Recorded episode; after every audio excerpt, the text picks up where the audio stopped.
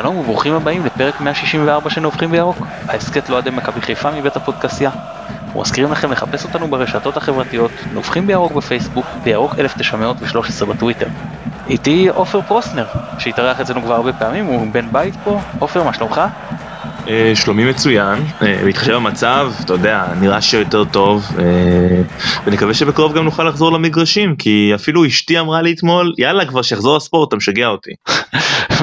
בהחלט, אני באופן אישי אגיד שיצא לי גם לשוחח על זה עם עמית פרלה, שעם כל הכבוד לספורט, אתה יודע, אני, אני יכול להסתדר, זאת אומרת, אני, אני באמת בן אדם שאוהב ספורט ואני רואה ספורט, אני יושב ורואה מרוצי אופניים, לא תגיד טור דה פרנס וזה כל מיני קלאסיקות וטורים קצת יותר קטנים שעות, ואני רואה פורמולה 1 וכדורסל וכדורגל, ולפעמים כדורגל וכדורסל, באמת אני אוהב ספורט, אבל אני יכול להסתדר בלי ספורט, הקושי הוא בלי מכבי. ללכת לאצטדיון ולהיות במשחקים זה, זה באמת הקושי הגדול בלי בלי קבוצת כדורגל של מכבי. זה פשוט חלק מהרגלים שלי שפשוט הפסיקו ללכת למשחק מה אתה עושה? הולך למשחק, זהו. ומה פתאום שבתחילת מאי לא יהיה כדורגל, זה, זה כאילו לא בלתי נתפס. בהחלט. אנחנו נודה ליונתן אברהם שנותן לנו את התמיכה הטכנית מאחורי הקלעים, אני מתן גילאור, בואו נצא לדרך. עופר נביכה כלשהי שאתה מעוניין? אמ, כן. אמ, אני שומע ומקווה שבקרוב תהיה ממשלה אה, ומירי רגב כבר לא תהיה שרת הספורט שלנו ואני מאוד מקווה ש... זה יותר קריאה מאשר נביכה לא תלונה אלא אני פשוט ציפייה שמי ש... מי שיתפוס את התיק אה, תיק הספורט בממשלה הקרובה יתייחס אליו ברצינות לפחות 10% מהרצינות שבה אנחנו בפודקאסט ופודקאסטים אחרים אה, מתייחסים אה, לספורט בארץ כי מגיע לנו יותר טוב מזה מגיע לנו שיתייחסו לבעיות שלנו שינסו לפתח פה תרבות ספורט יותר טובה ואני מאוד מקווה שזה באמת יהיה איזשהו שינוי. אמן. הנביכה שלי על סיום הליגה ואני גם העברתי את המסר הזה לאסף בן דב, שלדעתי בקיצור הליגה זה לקחת למכבי את ה... אני השתמשתי במילים קצת רחבות, אני אמרתי לגנוב כי רציתי להעביר את המסר מאוד uh, ברור, מאוד חד, לגנוב למכבי את הסיכוי לאליפות. האם מכבי הפייבוריט מספר 1 לאליפות? לא. מכבי תל אביב צריך להודות, עשרה מחזורים לסיום, שש הפרש, קבוצה גם יותר טובה, יותר עמוקה, הכל בסדר, ועדיין יש לנו סיכוי לאליפות, זה לא שהסיכוי עומד על אפס, כן? או אפילו לא על אחוז אחד, יש סיכוי סביר אפשר לקחת אה, אה, אליפות. ואם מקצרים את זה לסיבוב אחד, אז זה בעצם אה, מבחינתי מוציא לנו, אה, מוריד לנו, מפחית לנו משמעותית את הסיכוי להתמודד על האליפות. ולכן אני אומר, אם אה, רוצים לקצר לסיבוב אחד, מכבי צריכה להגיד שהם לא משתפים עם זה פעולה. לא, ברור שאם זאת תהיה החלטה, אני לא אומר אל תעלו למגרש, כן? אני אומר שמכבי צריכה להתנגד לזה. במקרה כזה, בין אם יחליטו כאילו כמובן שעדיף לסיים את הליגה 36 מחזורים. אבל בין אם יחליטו שמעניקים למכבי תל אביב ובין אם יחליטו שהם סוגרים את הליגה בלי אלופה, עדיף לסיים אחרי 26 ולא להמשיך ל-31. תוציא את השחקנים לפגרה, אל תעמיס עליהם, תן להתכונן לעונה הבאה, ת, תעשה שזרוע קיץ או מה שצריך לעשות, לא יודע, כל הדברים. חבל לי על החמישה מחזורים המיותרים האלה, אולי יש פה איזה עניין כלכלי מעבר, אני לא יודע, צריך לראות כל המשמעויות גם האלה. אבל עדיין מהבחינה הספורטיבית אני מדבר פה, ואסף אגב הסכים איתי, הוא אמר לי שמבחינתו כרגע זה בכלל לא על הפרק כאילו סיבוב אחד, התקווה היא לסיים את הליגה כמו שצריך, ואם לא, אז, אז סוגרים את העונה. והיה מישהו, ש, ש, היה מישהו שאמר, אם אתם חותכים את הפלייאוף בשתיים, תחתכו גם את הנקודות בשתיים, כאילו תעשו קיזוז.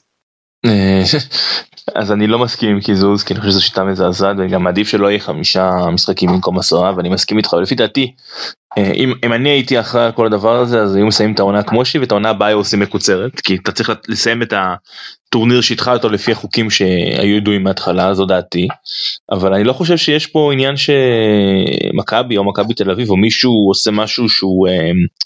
אה, נקרא לזה במזיד. זאת אומרת זה לא סיטואציה רגילה שבה מישהו החליט טוב בוא נעשה איזשהו קיצור דרך אה, כדי כך וכך וכך. אה, יש פה סיטואציה לא קלה ומכבי התאחדות לכדורגל בישראל והמינהלת ומי שזה לא יהיה בסופו של דבר הם צריכות אה, ללכת לפי החוקים שוופא המתווים והחוקים סליחה שוופא קובעת ווופא קבעה אם אני לא טועה שהליגות אמורות להסתיים עד סוף אוגוסט. אה, ומעבר לזה אי אפשר. עכשיו אה, אנחנו עדיין לא יודעים מתי יחזרו באמת לשחק כדורגל אנחנו עדיין לא יודעים אה, מה יהיה הכושר של השחקנים אחרי שהם לא שיחקו כל כך הרבה זמן ואנחנו גם צריכים לזכור שאנחנו לא מדברים פה רק על אליפות אנחנו מדברים גם על ירידות ליגה אנחנו מדברים פה גם על משחקים ב, ב, מי יגיע לוופא מי יגיע ל...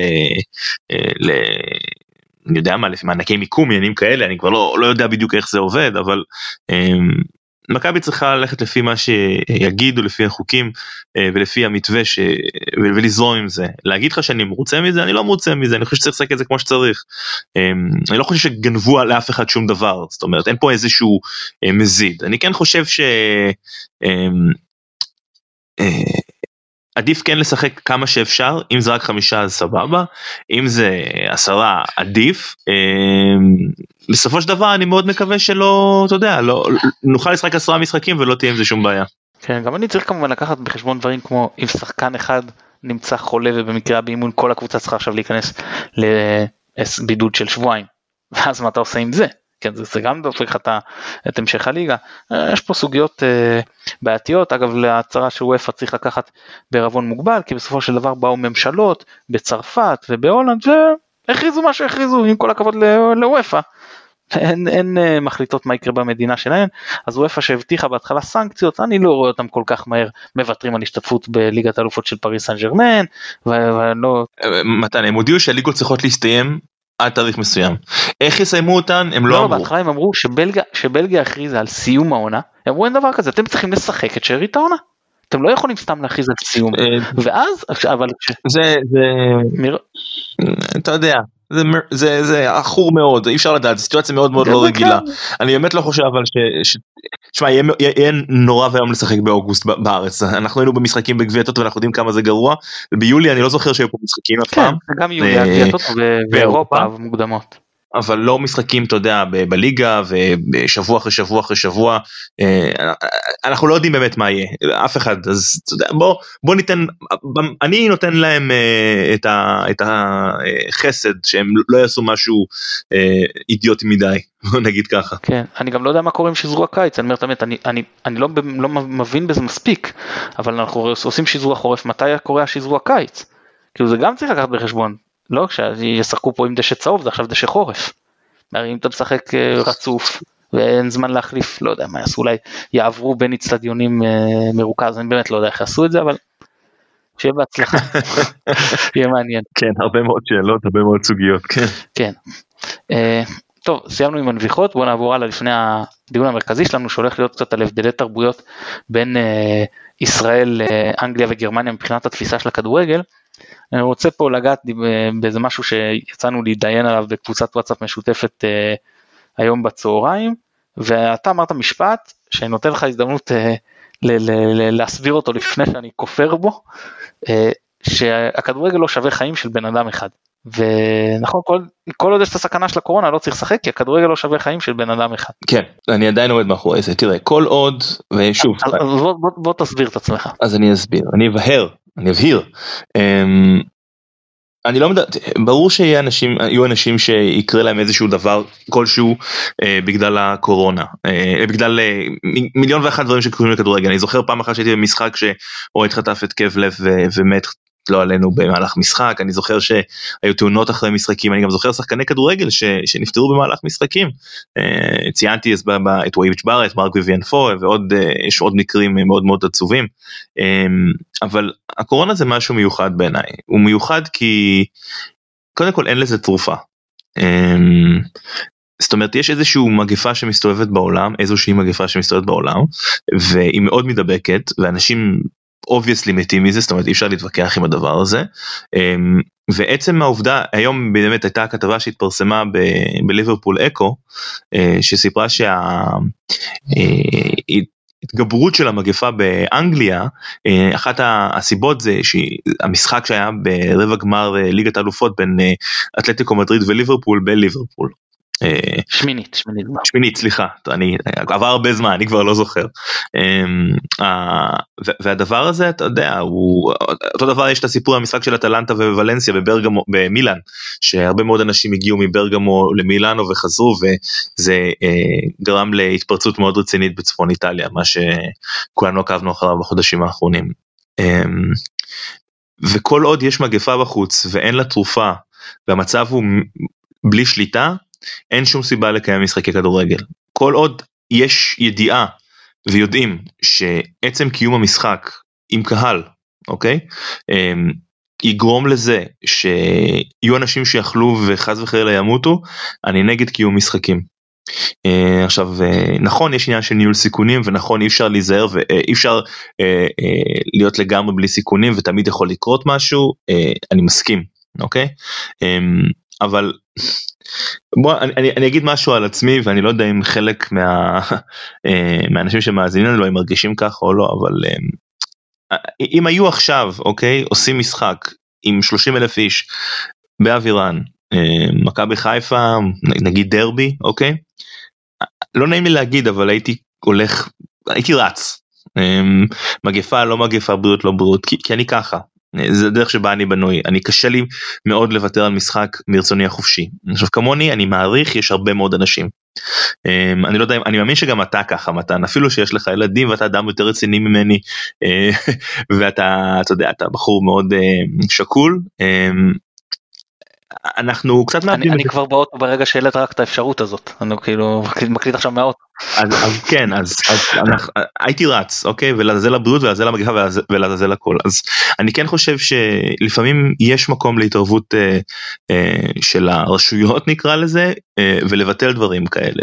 ולזה התכוונתי כשאמרתי שזה לא שווה מוות של בן אדם אחד. אה, אם אתם יודעים שיש מגפה אז תיקחו את, ה, את, את, את הזהירות הזאת תבטלו את המשחקים. זאת אומרת אני מאוד כעסתי כשביטלו אז את המשחק נגד הפועל באר שבע כבר היינו מוכנים כבר לצאת לחיפה למשחק לפני שהוא התקיים בלי קהל אה, שבוע לפני ובדיעבד אני מאוד מאוד שמח שהם ביטלו את זה אני מאוד שמח שהפסיקו את המשחקים אני מאוד שמח שהיו אנשים אחראים אמ, ואני אה, באמת מעריך את כל מי שניהל את המשבר המאוד קשה הזה פעם במאה שנה אמ, כי עובדה שישראל לא מאוד סבלה מהדבר הזה יחסית למקומות אחרים ואני מאוד מעריך את זה. עכשיו אני טיפוס מאוד סרקסטי וציני כלפי הדברים האלה אבל אה, עם כל האהבה של כדורגל יש דברים יותר חשובים מכדורגל והדברים האלה זה זה בריאות של אנשים אם אני חס וחלילה הייתי שם מישהו אחר ב, אמ, בסכנה בגלל שהלכתי לראות משחק כדורגל אני לא יודע איך הייתי חי עם עצמי.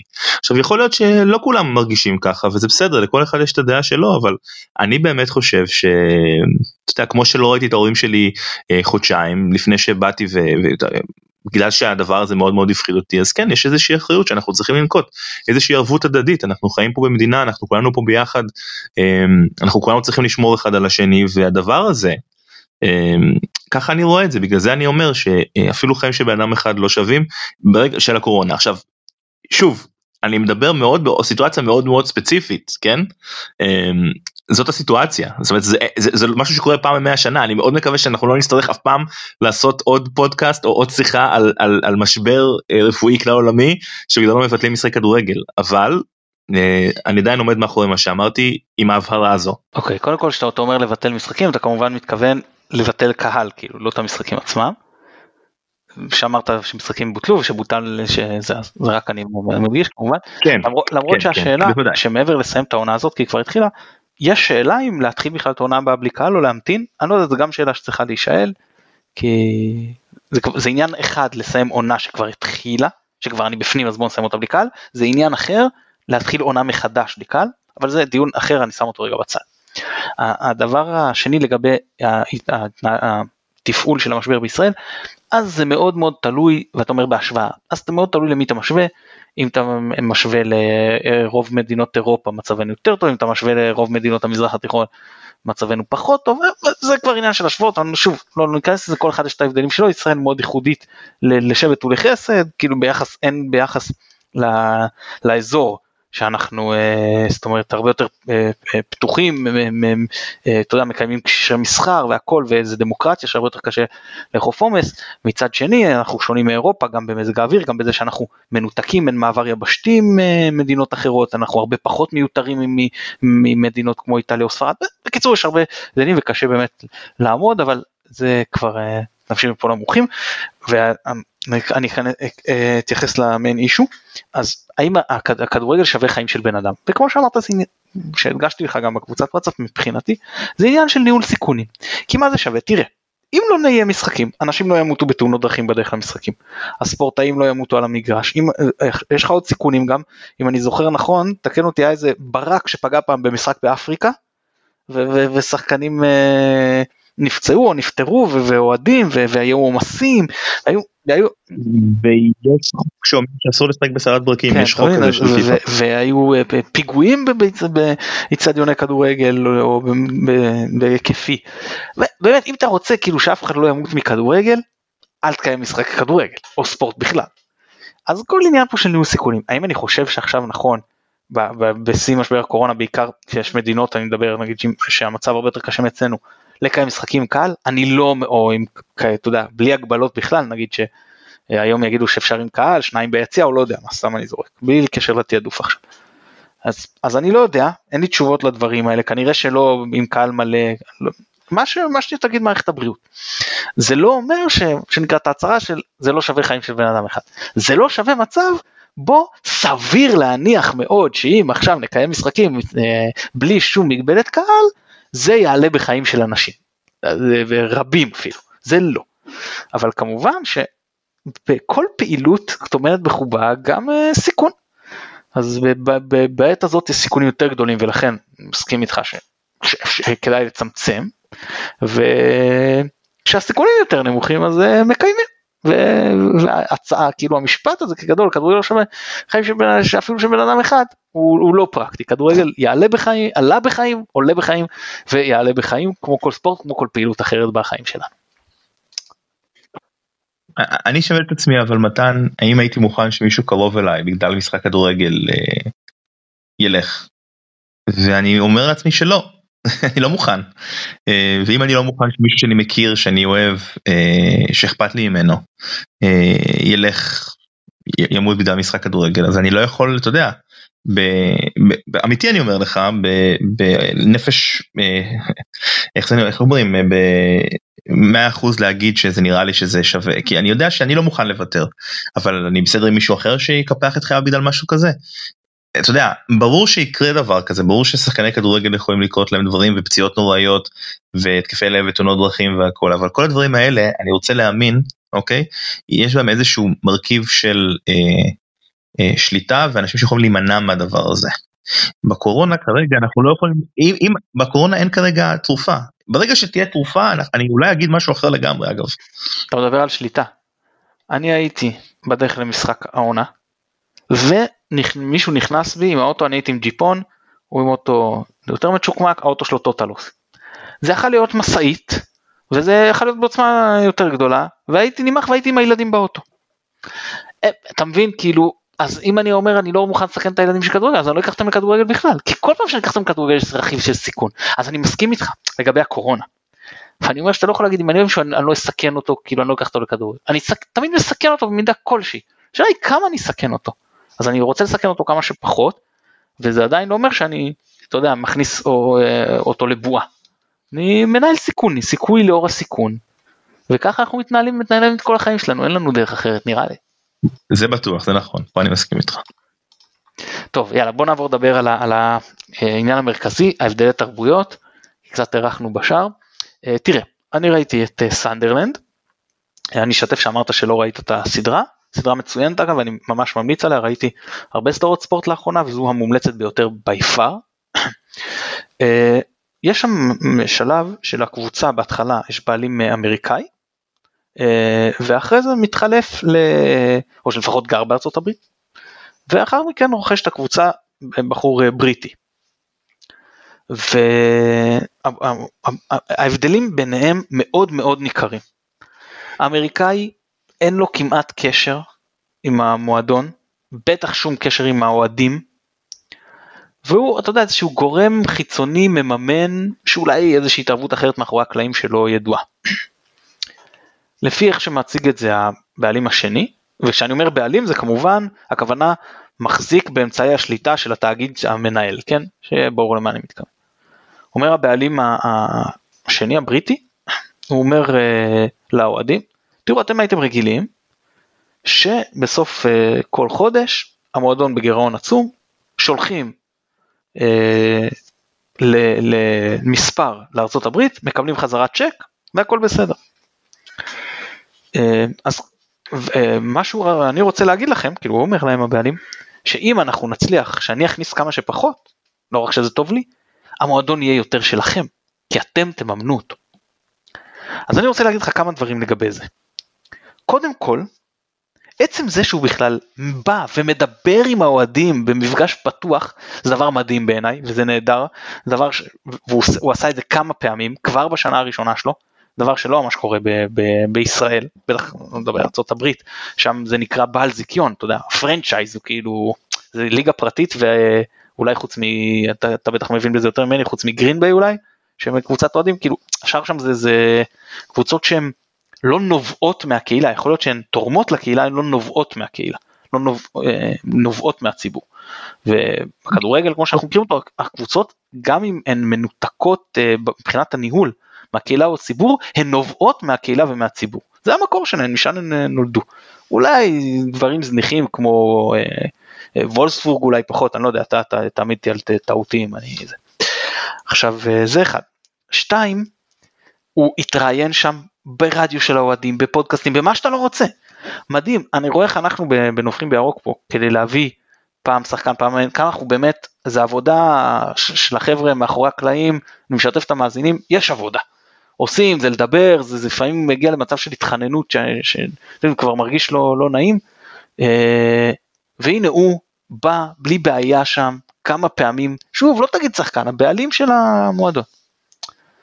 ובניגוד לאמריקאי. והדבר השלישי, שזה החשוב בעיניי, שהוא אומר לאוהדים על פן המימון. פה מבחינת איך שאנחנו מתייחסים לזה, רואים את האוהדים, גם אם אתה חושב שהם מעל לקוחות, אתה מתייחס לכסף שלהם ככסף של לקוחות.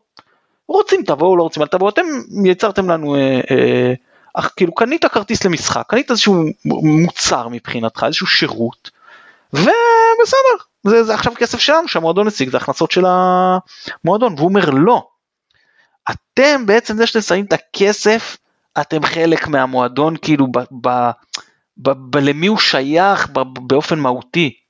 הוא אומר אם אני לא שם ואתם שמים אז מועדון קודם כל שלכם. פה בארץ, אה, אה, יצא לי באיזה ישיבה ששמנו זה אז, אז, אז עלה שוב עניין המניות. ואז אמר מי שאמר ומה אתם תתחלקו עם אה, שחר בהפסדים? אז מה זה תתחלקו איתו בהפסדים? מתחלקים בתקציב, אם האוהדים מכניסים בין 25 ל-30 מיליון שקל ממנויים וכרטיסים, ויביאו נגיד עוד כל, כל שנה משהו מהבית, אותם בעלי מניות, כן? אז, אז הם שמים חלק מהתקציב, אז המועדון שלהם לא צריכים עכשיו לבוא ואם יהיה הפסד, תנהלו את התקציב בהתאם.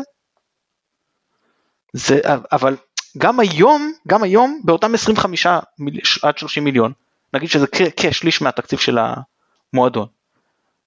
ואני לא, לא מתייחס לפן העקרוני עכשיו, מתייחס רק לפן הכלכלי, כן? אז אם הם, האוהדים שמים דבר כזה, הם לא שמים כי הם רוכשים מוצר, הם לא שמים כי... זה לא כמו שללכת לתיאטרון או לקולנוע. שמים כי זאת מכבי, אין פה תחרות. רגע נקטוע אותך. ו... ו... מה זה? כן כן אז בוא בוא תקטוע אותי ותמשיך איזה. אה, בוא, בוא נדבר שנייה על העניין הזה כי אני חושב שעלית פה על משהו מאוד מאוד מעניין ואני רוצה שתנסה להסתכל עליו בצורה אחרת, אוקיי? Um, הבעלים האמריקאים מול הבעלים האנגלי, בסדר? Um, אני לא ראיתי את הסדרה אז אני לא יודע מה קורה שם, uh, אבל בוא ניקח שנייה רגע את, ה, את השיטה האמריקאית ואחר כך נזרום איתה לשיטה האירופאית שישראל היא גם חלק ממנה בסופו של דבר. Um, אצל האמריקאים יש לקוחות, האוהדים הם לקוחות, אוקיי? יש בזה דברים טובים ויש בזה דברים רעים. Mm-hmm. הדברים הטובים שיש בזה, אוקיי? הרעים זה שאתה מרגיש פחות חלק אולי מה, מהמועדון, שהמועדון יכול לקום וללכת מתישהו לעיר אחרת, כמו שקרה עם סיאטל סופרסוניקס, כמו שקרה עם אה, אה, ונקובר גריזליס, כמו שקרה עם אה, אה, כל מיני מקומות, אוקיי? אה, ובגלל זה המערכת יחסים בין הקהל לבין המועדון היא מאוד מאוד מאוד שונה. אה, קודם כל הקהל הוא לקוח.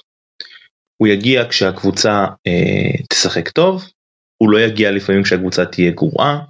אה, היחס שלו למשחק הוא שונה, יש הרבה יותר משחקים בכל ליגה כמעט חוץ אולי מהליגה של, ה, של הפוטבול.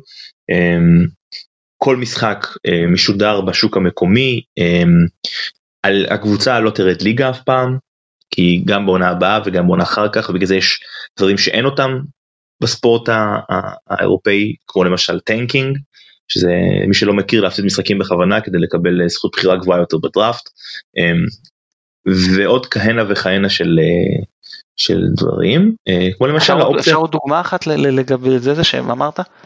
זה בסדרה הריקוד האחרון שמייקל ג'ורדן מגיע לאטלנטה, אז המון המון המונים נוהרים כאילו לראות את אה, מייקל ג'ורדן כנראה פעם אחרונה באטלנטה, מבנים שם אצטדיון אה, פוטבול והכל, ואני אומר, נכון שפה יש אנשים שנוסעים לראות את מסי ורונלדו, אבל לפחות אצלנו בביצה המקומית, אוהדי מכבי באים לראות את מכבי, ואם מכבי יותר מצליחה אז ברור ש... ואם מכבי יותר אטרקטיבית אז הם באים לראות אותה, ואם מכבי השחקנים יותר טובים.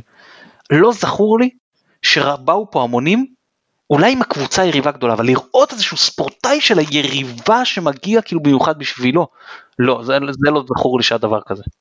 הוא הגיע לפה עם פורטוגל, רוב האנשים בקהל היו אה, אוהדים של, אה, אה, לא ממש אוהדים של איזושהי קבוצה, פשוט באו לראות את רונלדו, אני זוכר שהיה פה משחק בין ארגנטינה ואורוגוואי, שמילא את בלומפילד. אה, כן, משחק לא תלוי, משחק לא תלוי, זה משהו אחר, זה משחק ראווה.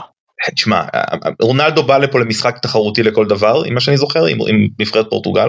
אתה יודע, באים לפעמים אוהדים ניטרליים למשחקים גדולים. אה, בצ'מפיונס ליג כשאנחנו אה, מכרנו את כל המנויים, אה, באו לפה יובנטוס, באו לפה ביירן, אנשים קנו כרטיסים למשחקים האלה גם כן. אבל עזוב, זה לא הנקודה שלי.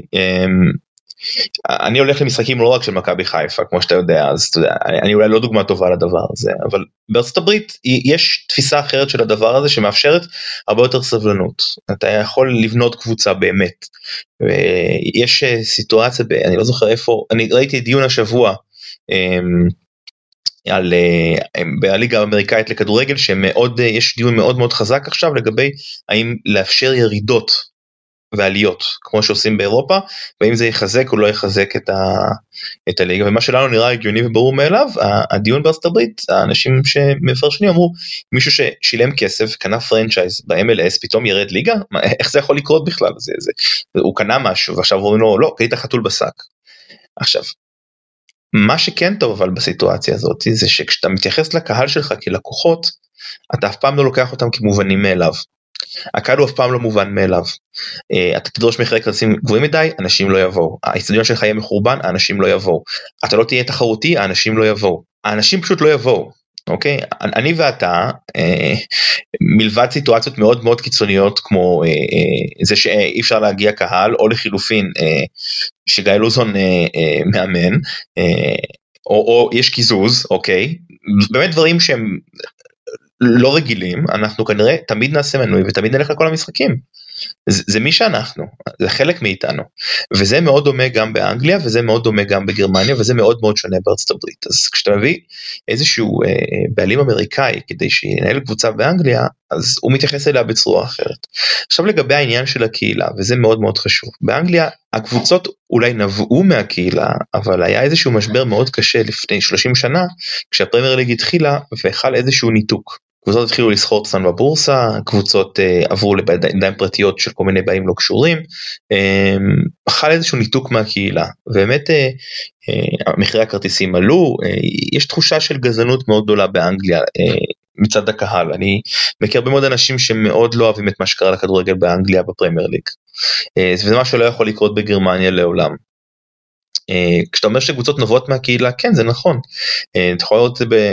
יש עדיין מקומות שהם מאוד מאוד כאלה קריסטל פלאס צ'רלטון אה, קבוצות כמו קרדיף קבוצות סוואנסי קבוצות במקומות הקטנים. סנדרלנד זו דוגמה מצוינת לזה.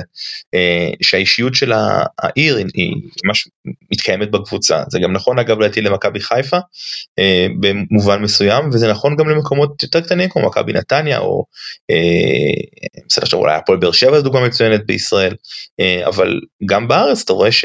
יש מקרים שהקהילה פתאום קצת עזבה את הקבוצה אתה הייתי השנה במשחקים של, של בני יהודה בבלומפילד ואתה רואה שזה פשוט לא זה אה, אתה לא יכול להיות קבוצה שמשחקת מחוץ לה, אה, לשכונה שלך אה, ואתה זה פשוט, זה פשוט מרגיש קצת מנותק. אבל אני לא חושב שיש משהו אינהרנטי רע בלהתייחס לאוהדים שלך גם כמו לקוחות. וזה מאוד מאוד חשוב. כי אנחנו נוטים להגיד שאנחנו נוטים לחשוב בנטייה הרומנטית שלנו שאוהדים לא לקוחות. אבל אנחנו כן לקוחות.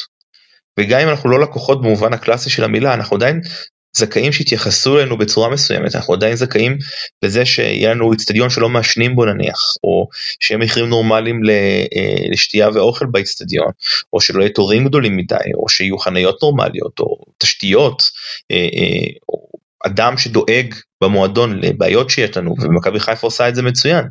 אז יש איזשהו קו תפר שאנחנו צריכים לזכור שהוא בין אוהדים ולקוחות זה דבר אחד שאתה ש, שמאוד מאוד חשוב לי שאנחנו נזכור אנחנו אמנם אוהדים קודם כל אבל אנחנו גם כן לקוחות. Uh, עכשיו לגבי הבדלי תרבויות אני חושב שההבדל הכי גדול בין אנגליה וגרמניה ואני ככה אקדם טיפה את הדיון um, זה איך שהאנגלים תופסים את הקבוצה שלהם לעומת איך שהגרמנים תופסים את הקבוצה שלהם ואני אסביר. Uh, באנגליה הקבוצה היא ישות פרטית שאומנם uh, מייצגת אה, אזור מסוים וקהילה מסוימת, אבל היא עדיין בבעלות פרטית. היא עדיין יכולה, אה, אני מנסה לחשוב מה, אה, היא עדיין בסופו של דבר איזשהו כלי ל, ל, לעשות רווחים. הדוגמה הכי טובה באנגליה זה כמובן מנצ'סטר יונייטד שהגלייזרים קנו אותה בזמנו ומינפו והיא הייתה בחוב הרבה מאוד שנים או כמו מה שארסנל קורא, איתה עכשיו עם סטן קרונקי. אה, בגרמניה הקבוצה יכולה להרוויח אבל היא לא המטרה העיקרית שלה זה לנצח משחק כדורגל ואפילו לא לנצח משחק כדורגל אלא להיות חלק מהקהילה. אה, שזה אפילו יותר חשוב מהניצחון או מההפסד. אה, ובגלל זה למשל גם קבוצה כמו שהזכרת של וולסבורג גם בייר לברקוזן או אפילו הופנהיים למרות שאופן הם פחות.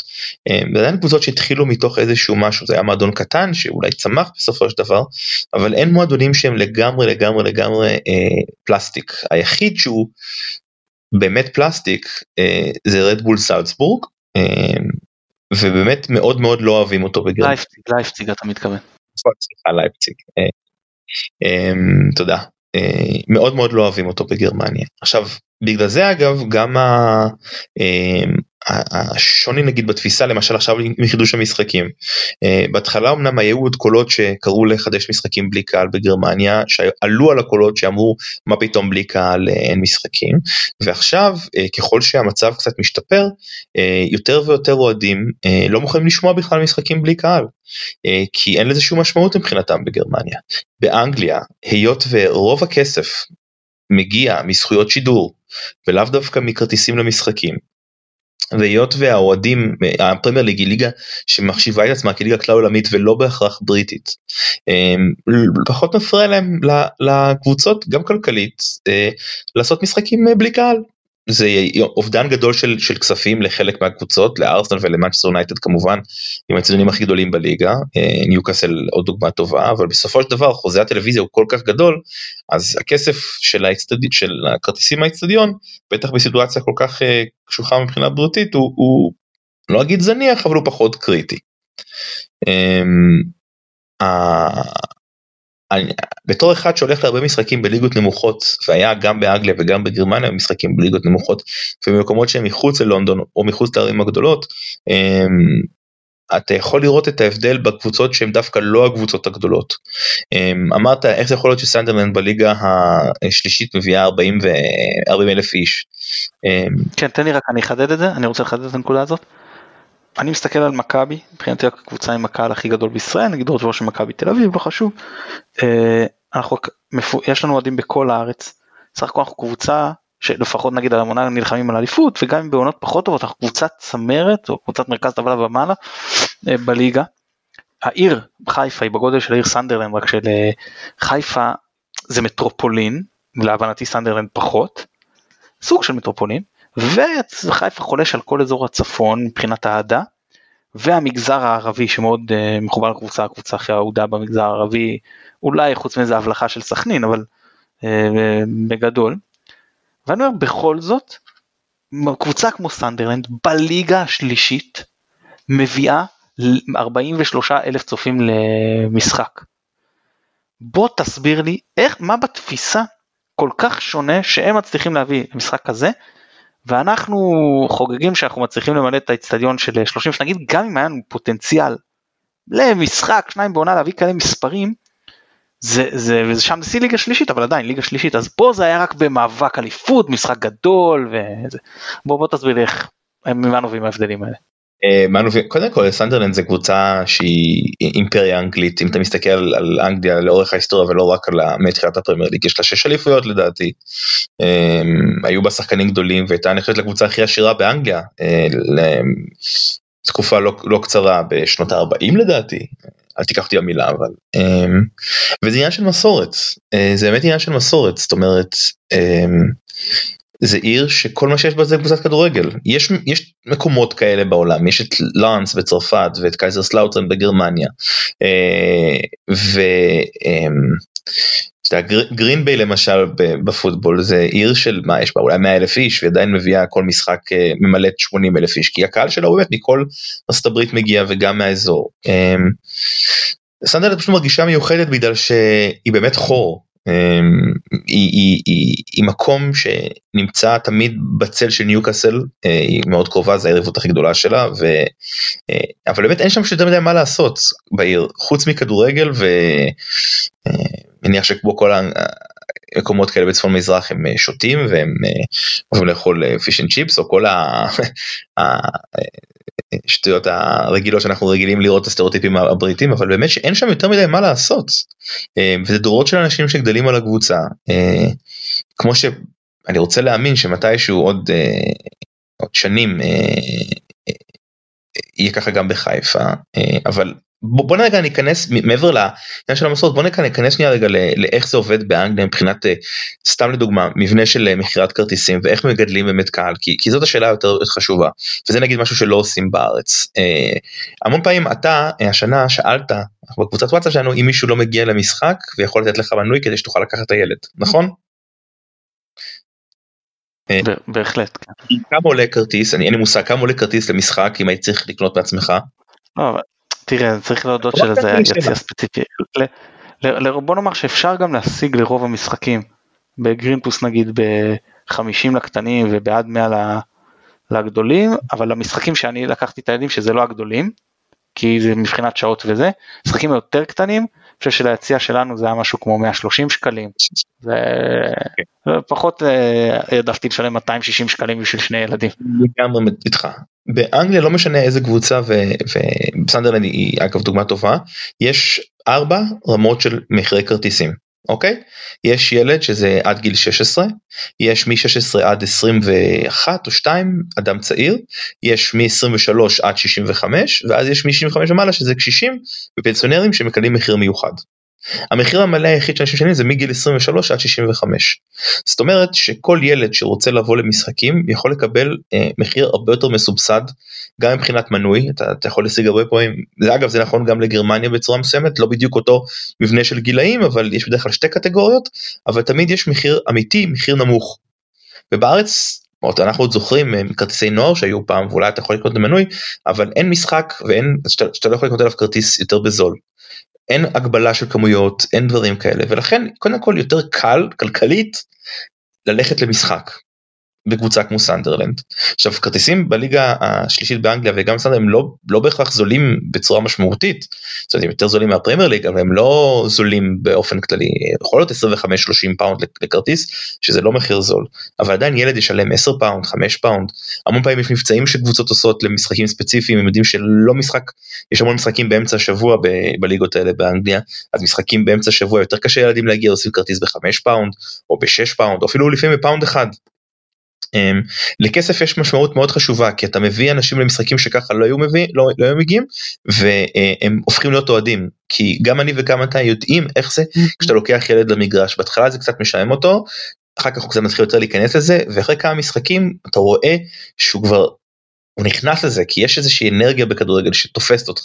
אז הדרך להביא קהל ולגדל קהל מה שאוהבים להתלונן על, על, על הדבר הזה בארץ זה באמת מחירים נמוכים ו, וכמה שיותר להביא להביא את הקהל.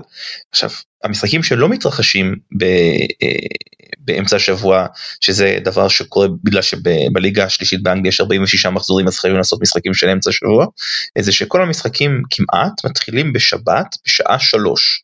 שבת בשלוש כשיום ראשון אחר כך זה יום חופש זה שעה מושלמת בטח המזג האוויר הבריטי שמחשיך מוקדם בחורף כדי להביא את הילד שלך למשחק. זה עוד דבר שבגללו גורם שמביאים ילדים. עכשיו למה אני מתעקש כל כך על הנושא של הילדים ועל הכרטיסים לקשישים?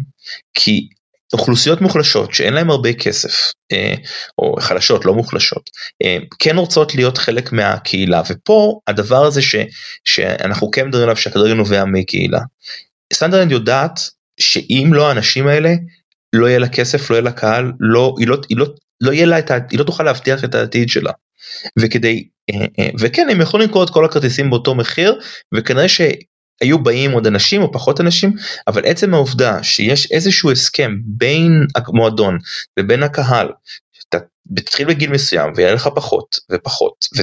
ואז תשלם מחיר מלא כי ככה עושים וכשתגיע לגיל מסוים שתהיה פנסיונר תשלם פחות כי יש לך פחות הכנסה ואתה הדבר הזה חוזר בסופו של דבר למועדון יש תחושה של קהילתיות וכאן אני חושב שזה ההבדל העיקרי בין ישראל או רוב המועדונים בישראל אה, לבין אה, אה, מקומות אחרים כמו גרמניה ואנגליה.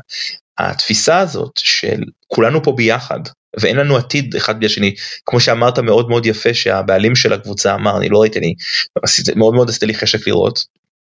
היא התפיסה הזאת שהם מבינים שבלי קהל אין מועדון. עכשיו תבוא לישראל ותראה שיש לך את הפועל רעננה ומכבי פתח תקווה ואת uh, הפועל כפר סבא ואת סקציה נס ציונה ואת קריית שמונה ועוד כל מיני קבוצות שהן משחקות ואין להן קהל והן עדיין מצליחות יפה וזה לא נורא כל כך שאין להם קהל ואנשים אוהבים להגיד יש להם מקום אין להם מקום יש להם מקום עכשיו זה לא עניין אם יש להם או אין להם מקום ספורטיבית הם הרוויחו את המקום שלהם. זכותה זכותה של סקסי נס ציונה להגיע לליגת העל היא לא עשתה שום דבר היא לא פשעה אוקיי אבל עצם העובדה שקבוצה יכולה להסתדר בלי קהל אה, היא משהו שכנראה לא יכול לקרות באנגליה. כי כי פשוט אין לזה שום טעם. אה, ובארץ בגלל שמדינה הרבה יותר קטנה אה, ואגב זה לא זה לא ייחודי רק לארץ. אני הייתי במשחקים בסרביה בבולגריה ברומניה אה, בקרואטיה במקומות בסדר גודל דומה לישראל וגם שם אין הרבה קהל לכל הקבוצות. יש כמה קבוצות גדולות כמו בארץ שמגיע הרבה קהל. סרביה זה דוגמה מצוינת וקבוצות קטנות בדרך כלל לא מגיע הרבה קהל. האם זה טוב או לא טוב? אני לא יודע להגיד לך אם זה טוב. ברור שעדיף שתמיד היו אה, המון כרטיסים אה, זולים והמון ילדים שהיו למגרש וכו' וכו' וכו' אבל אה, אה, זה מאוד מאוד בעייתי אה, אה, בארץ שפשוט הקהל הוא, הוא לפעמים מרגיש כמו סרח עודף לדברים אחרים. עכשיו עוד דבר וזה דבר אחרון שאני אגיד בסיטואציה הזאתי שקצת פחות נכון לארץ אבל עדיין אנשים זוכרים את זה אה, עד לעשר שנים האחרונות אה, האצטדיונים בארץ היו מתחת לכל ביקורת ואני כולל גם את קריית אליעזר בזה ואני כולל גם את ציון רמת גן שנורא ואיום לראות במשחקים ואני גם זוכר את הארובה ואת הקופסה. סנדרלנד יש לה אצטדיון ציון האור שהוא יפהפה הוא מדהים ואצטדיונים אנגלים בדרך כלל אה, תמיד יש גג. אין, אין, אין כזה דבר אצטדיון אנגלי בלי גג אוקיי זה לא, לא קיים כמעט. אה, הוא תמיד על הדשא אין מסלול ריצה כי האצטדיון שייך למועדון אה, ופשוט אה, כיף לראות שם כדורגל. פשוט כיף לראות כדורגל באנגליה תמיד רצים תמיד אה, אה, אה, משחקים עד הרגע האחרון יש יש הכושר הוא אחר לגמרי החוויה היא שונה אה, האם זה ישנה לי אם מכבי חיפה תשחק כמו באנגליה לא זה, לי זה לא משנה. אבל רוב האנשים רוצים לראות משהו על המגרש ואתה תלך לראות משחק בין מכבי פתח תקווה לכפר סבא בעונה הבאה בליגת העל ואני הייתי במשחקים כאלה ווואלה זה לא כל כך מעניין. ובעוד שללכת למשחק ליגה שלישית באנגליה אני מבטיח לך שיהיה לך מאוד מאוד כיף. אוקיי okay, דיברנו על הפן הקהילתי בוא נעבור רגע לפן הציבורי. תסביר לי מבחינה תרבותית אם אתה יודע בכלל למה בגרמניה זה אולי אחרת כי הקבוצות הן של האוהדים אז בוודאי שתהיה שקיפות אבל באנגליה שקיפות הרבה יותר גדולה בין אם רשמית שזה מדיניות ממשלתית של פרסום אה, יהיה לו נתונים, דוחות כספיים וכיוצא בזה, של חברות בכלל, של קבוצות כדורגל בפרט.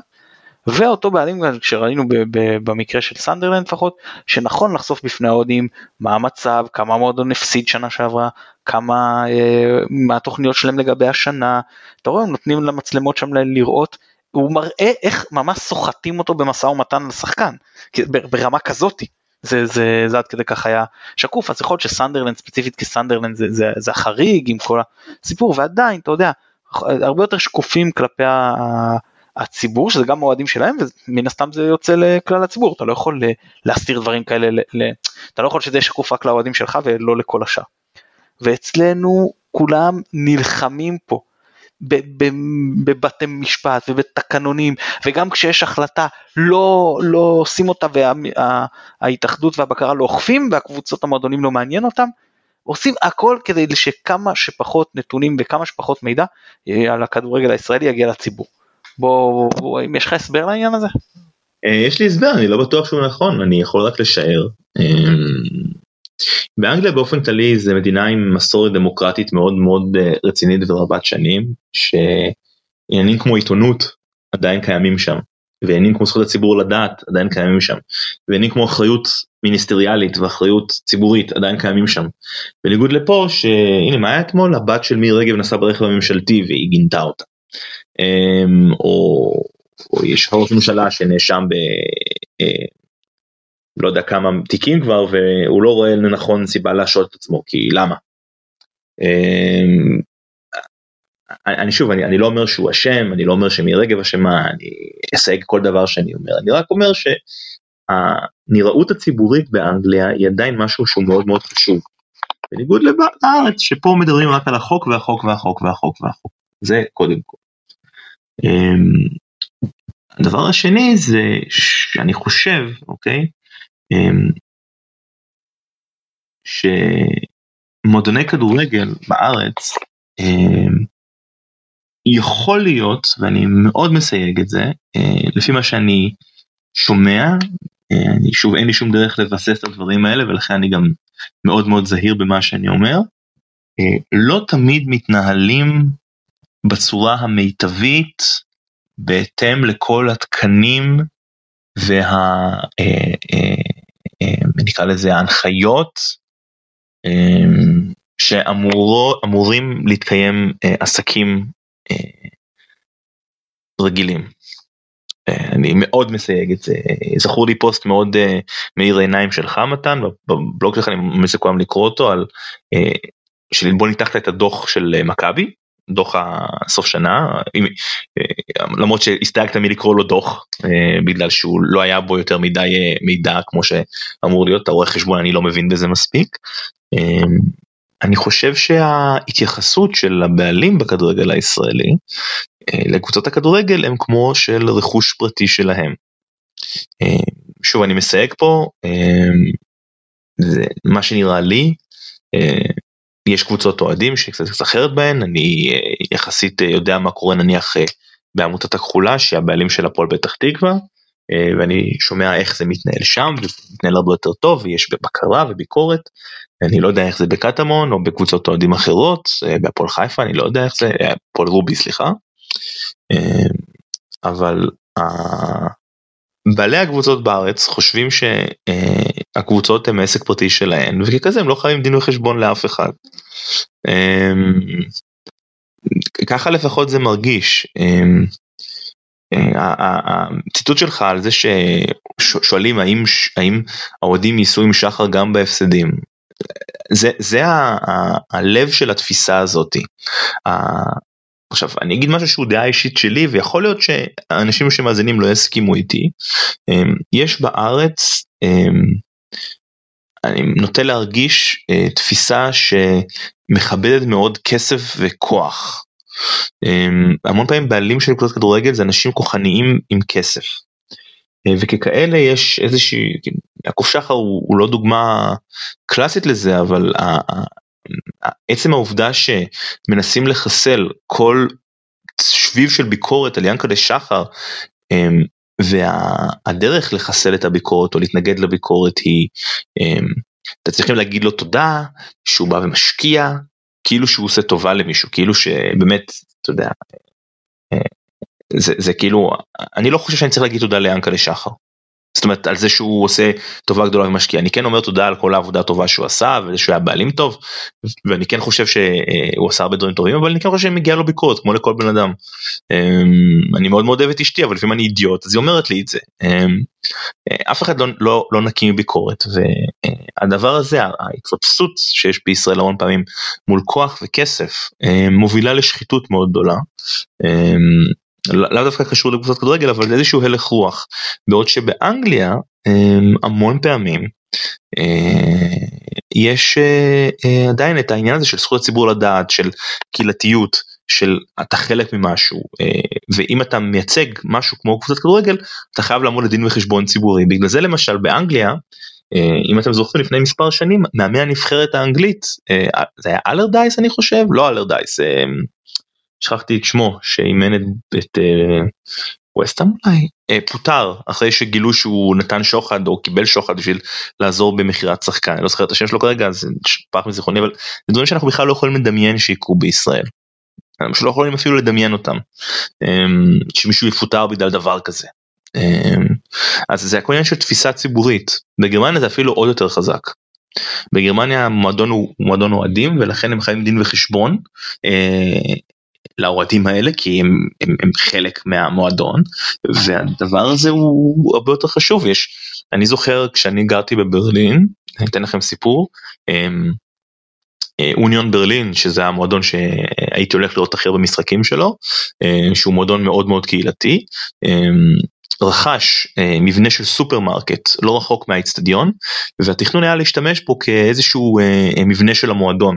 אה, איזשהו אימונים או משהו כזה אה, ובדיוק מה שקרה זה היה שהיה אה, חורף אה, והתחילו להגיע אה, המון המון פליטים מסוריה ומאפריקה אה, לגרמניה והמועדון הודיע אה,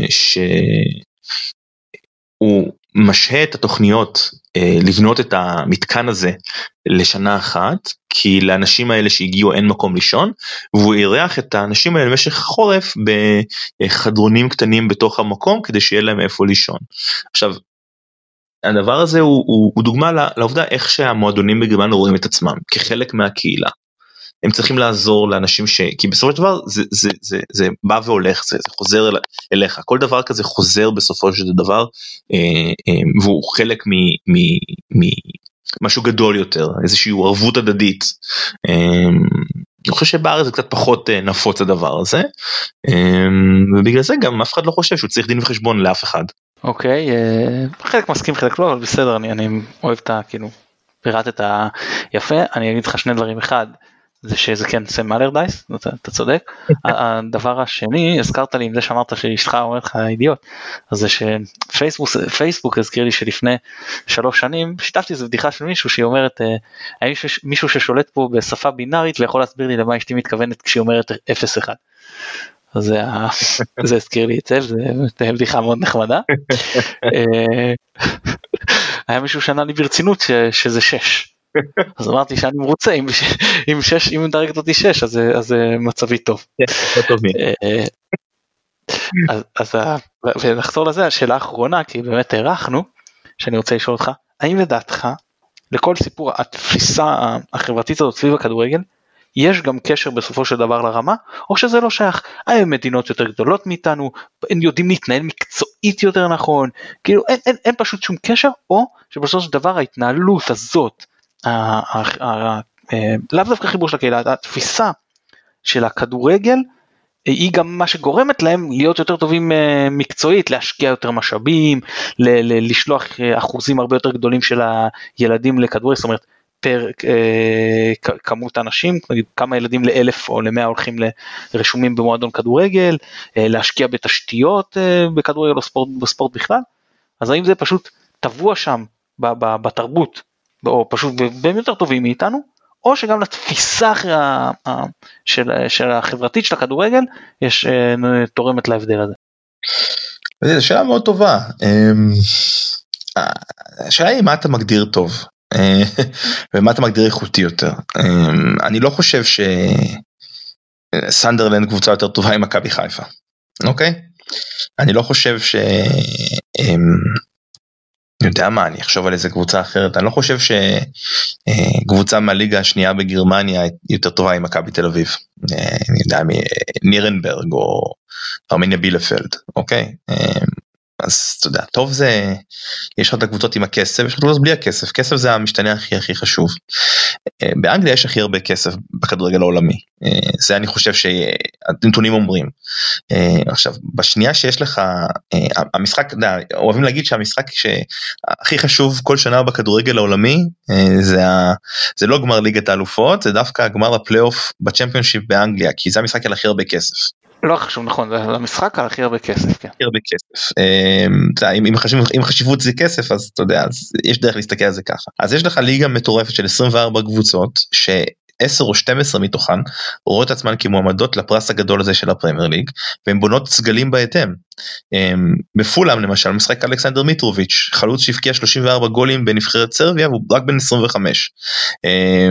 יש לך קבוצות כמו לידס שמשחקות כדורגל מדהים ומביאות מאמנים אה, אה, אדירים היה שם ביאלסה אימן שם שנה שעברה אני חושב אולי גם השנה. הכמות כסף שמסתובבת במקומות האלה אדירה עכשיו סנדרלנד הייתה קבוצת פרמייר ליג לפני כמה שנים ועם קצת מזל היא הייתה יכולה לעלות לפי מה שאני זוכר לצ'מפיונשיפ ומשם אתה יודע אם אתה בונה קבוצה אתה יכול להגיע מאוד מאוד רחוק אז ברגע שהפרס הוא הרבה יותר גדול אז יהיו יותר אנשים שמוכנים להשקיע את הכסף כדי להגיע אליו. וברגע שיהיו יותר אנשים יכולים להשקיע את הכסף כדי להגיע אליו, אז הרמה אוטומטית תעלה. אה, זה פשוט ככה. אה, תומר חמד הוא שחקן אה, שאין קבוצה אחת בליגת העל, אני חושב, שלא תשמח לקבל אותו לשורותיה, כולל האלופה המכהנת ו... וגם אנחנו, אוקיי? ועדיין הוא לא רואה מגרש בליגת המשנה באנגליה, כי הוא פשוט לא מספיק טוב.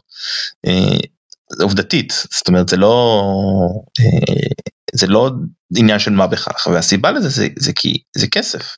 עכשיו בגרמניה זה גם כן מאוד מאוד דומה.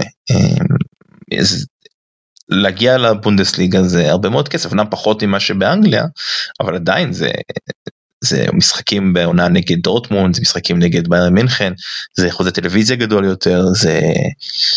אמ, בארץ אין מספיק כסף. העוגה הרבה יותר קטנה ומתחלקת הרבה פחות אה, בהרבה פחות בין הרבה פחות קבוצות אה, כי רוב הקבוצות גדולות לוקחות את רוב הכסף. אה, ולכן הרמה פה פחות טובה. אני לא בטוח בכלל שזה קשור לתרבות. אם אה, היה לך אתה יודע הדבר הזה גם הולך לדעתי אה, מאוד מאוד לרדת עם, ה, עם זה שקבוצה ישראלית יהיה לה עוד יותר קשה להגיע לצ'מפיונס ליג מה שאומר שהפרס הולך והפוטנציאלי הולך ופוחת. אמ, זאת אומרת זאת, זאת הסיבה לדעתי אה, מבחינת רמה כן יש, יש יותר אנשים יש בגרמניה גרים 80 מיליון איש באנגליה בבריטניה גרים 50-60 אה, מיליון איש בישראל יש 9 מיליון כשחלק מהם הם חרדים שלא משחקים כדורגל והפול הרבה יותר קטן. אז אבל, אבל אתה יודע זה, זה לאו דווקא בהכרח אומר ש, שזאת הסיבה היחידה. תראה את קרואטיה לדוגמה הגיעה עכשיו לגמר, לגמר המונדיאל האחרון. היא מדינה יותר קטנה מישראל ועם עוד פחות כסף. אז כן יש פה איזשהו עניין של תרבות אה, בסיסית ויחס לספורט. עופר ציינת את קרואטיה. אני, אני פשוט לא מבין אני לא יודע. אה, אולי אתה יודע זה ממני, איך באמת התפיסה, הקשר בין הכדורגל האוהדים שם זה יותר דומה ל... בישראל בואכה ארצות הברית או שזה יותר דומה לאנגליה בואכה גרמניה? זה לא דומה לכלום כי בקרואטיה מה שקרה זה שיש קבוצה אחת שהשתלטה לליגה בעשר שנים האחרונות שזו דינמו זאגרב והיא לוקחת את כל האליפויות חוץ אולי מאחת אמ, והיא שולטת שליטה מוחלטת בליגה ובשחקנים אמ, וההתערבות שם מושחתת אמ, וזה לא דוגמה טובה לכלום זה ליגה של קבוצה אחת. אז אני לא חושב לא, לא משנה אבל עזוב את הליגה כרמה או כתחרות מבחינת חיבור של מועדון לקהילה. או שהמצב שם כל כך רעוע שזה פשוט הכדורגל המקומי חוץ מפיתוח שחקנים לא מעניין אף אחד פיתוח שחקנים ולעשות להם כסף כאילו. גם יכול להיות אני לא יודע. זה מה שמעניין בקרואטיה לפתח שחקנים ולעשות להם כסף כי הליגה שם בסופו של דבר הליגה היא איזושהי פנים של, ה, של הרמה אוקיי? אתה, אתה מסתכל על הליגה כדי איזשהו אה, אה, מראה של מה, מה, מה יכול לגדול, אוקיי? וברגע שכל קבוצה יודעת שהדבר היחיד שיכולה לצפות לו זה לגדל שחקן ולקרוא אותו לזאגרב, אה, לא, לא יכול לצמוח יותר מדי. עכשיו בקרואטיה יש עוד עניין שאם אתה חושב שפה הבעלות הפרטית נוראית, בקרואטיה היא אפילו יותר גרועה. אה, ויש שם המון המון המון אה, אה, שחיתות ברמה מטורפת אה, ברמת, ברמת המועדונים. אה, וכל שחקן ששווה משהו מנסה לצאת מקרואטיה כמה שיותר מהר הרבה יותר ממה שהוא מנסה לצאת פה קרואטיה גם אה, שייכת לאיחוד אה, האירופי לדעתי אה, אז יותר קל לצאת זה, זה מאוד מאוד שונה.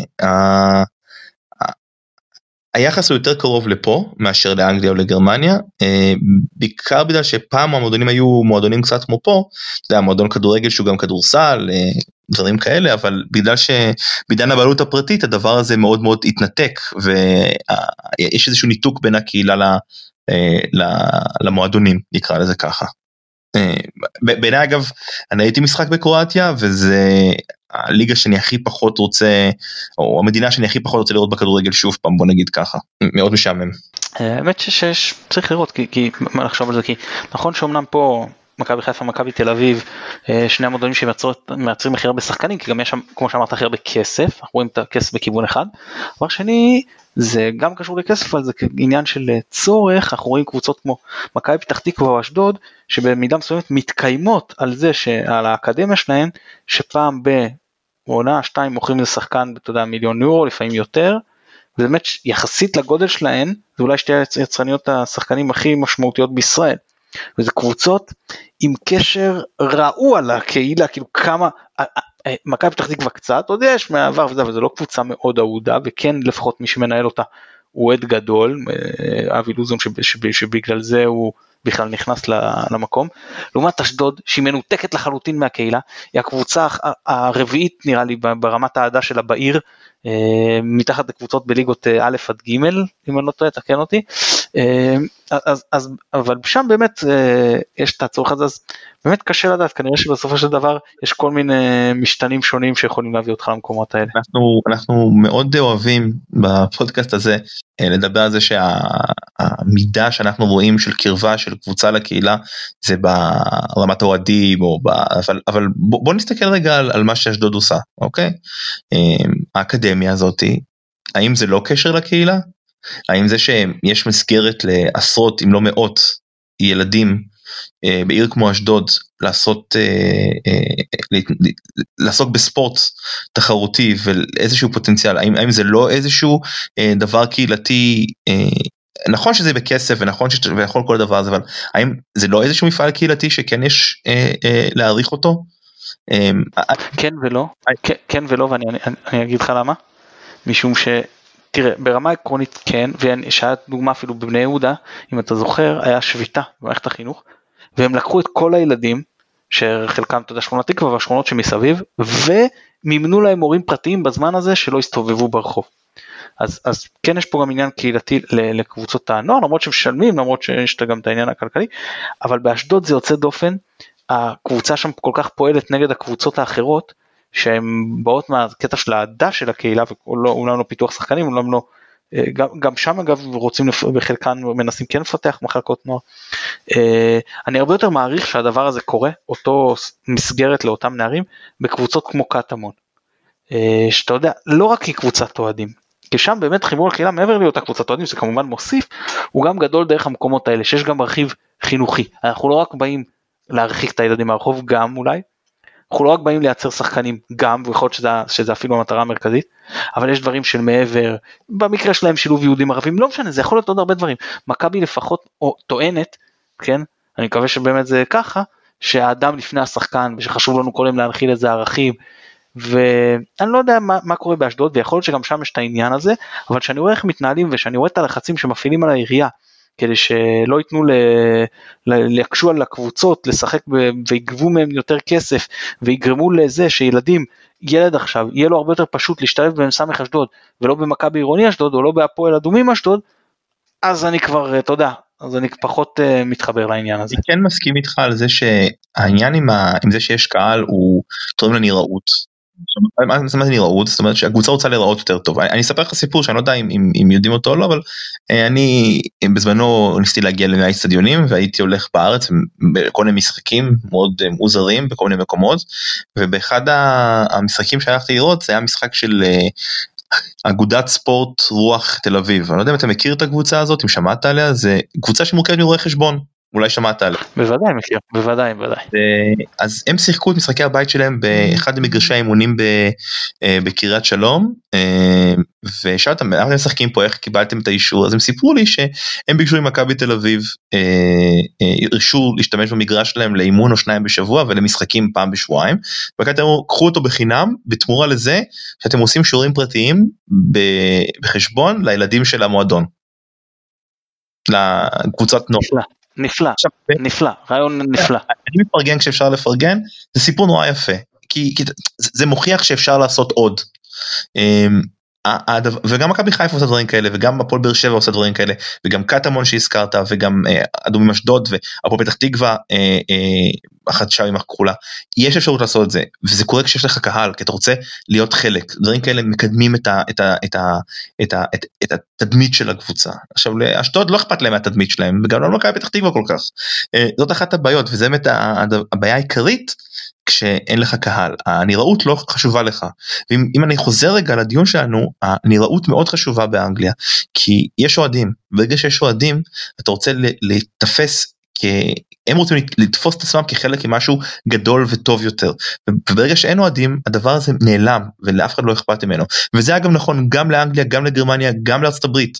האוהדים רוצים להיות חלק אוקיי? ממשהו מנצח ממשהו טוב ממשהו חיובי אוקיי האדם לפני השחקן אה, הם לא רוצים להיות אה, אה, כשאין אף אחד שם ולאף אחד לא אכפת וזה אני חושב שהבסיס לכל העניין הזה של מה ההבדלים בין קבוצות גדולות בארץ לקבוצות קטנות בארץ ולאיך שזה נתפס באנגליה לעומת איך שזה במקומות אחרים או בגרמניה זה, זה, זה באמת הלב של העניין הזה. אוקיי. דיון מעניין עוד משהו שאתה רוצה להוסיף דעתי נאמר הרבה. היה מאוד, מאוד מעניין. אז, אז אה, אנחנו נלך להימור, כי אמורים בימים הקרובים להחליט מה שדיברנו בהתחלה, איך בעצם אה, תסתיים הליגה. אז אני נותן לך להמר, האם אנחנו הולכים לקראת 30, ו... תחת הנחה שכמובן זה יהיה בלי קהל, האם אנחנו הולכים לקראת 36 מחזורים, 31 מחזורים, אולי איזה טורניר נוקאוט בכלל, או שהעונה תיסגר במצבה הנוכחי, בין אם יכריזו על אלופה ובין אם לאו. וואו אמ, אנחנו היום במאי אנחנו צריכים חודש לאימון ועוד יש חודשיים לשחק עד סוף אוגוסט. שמה, אני אומר 36 אני אהיה לארג'. יאללה גם אני זורם עם זה ואני אומר שבסופו של דבר נהיה אופטימיים. אמנם זה יהיה בלי קל אמנם זה לא יהיה פשוט אבל כן יצליחו לסיים את 36 המחזורים האלו ונקווה מאוד שזה מה שיקרה. עופר, המון המון תודה, ממש כיף. היה לי מאוד מאוד כיף, תודה רבה שהערכתם אותי. אנחנו שוב נודה ליונתן אברהם שנותן לנו את התמיכה הטכנית מאחורי הקלעים. אני מתן גילאור, תודה רבה שהאזנתם, ביי ביי.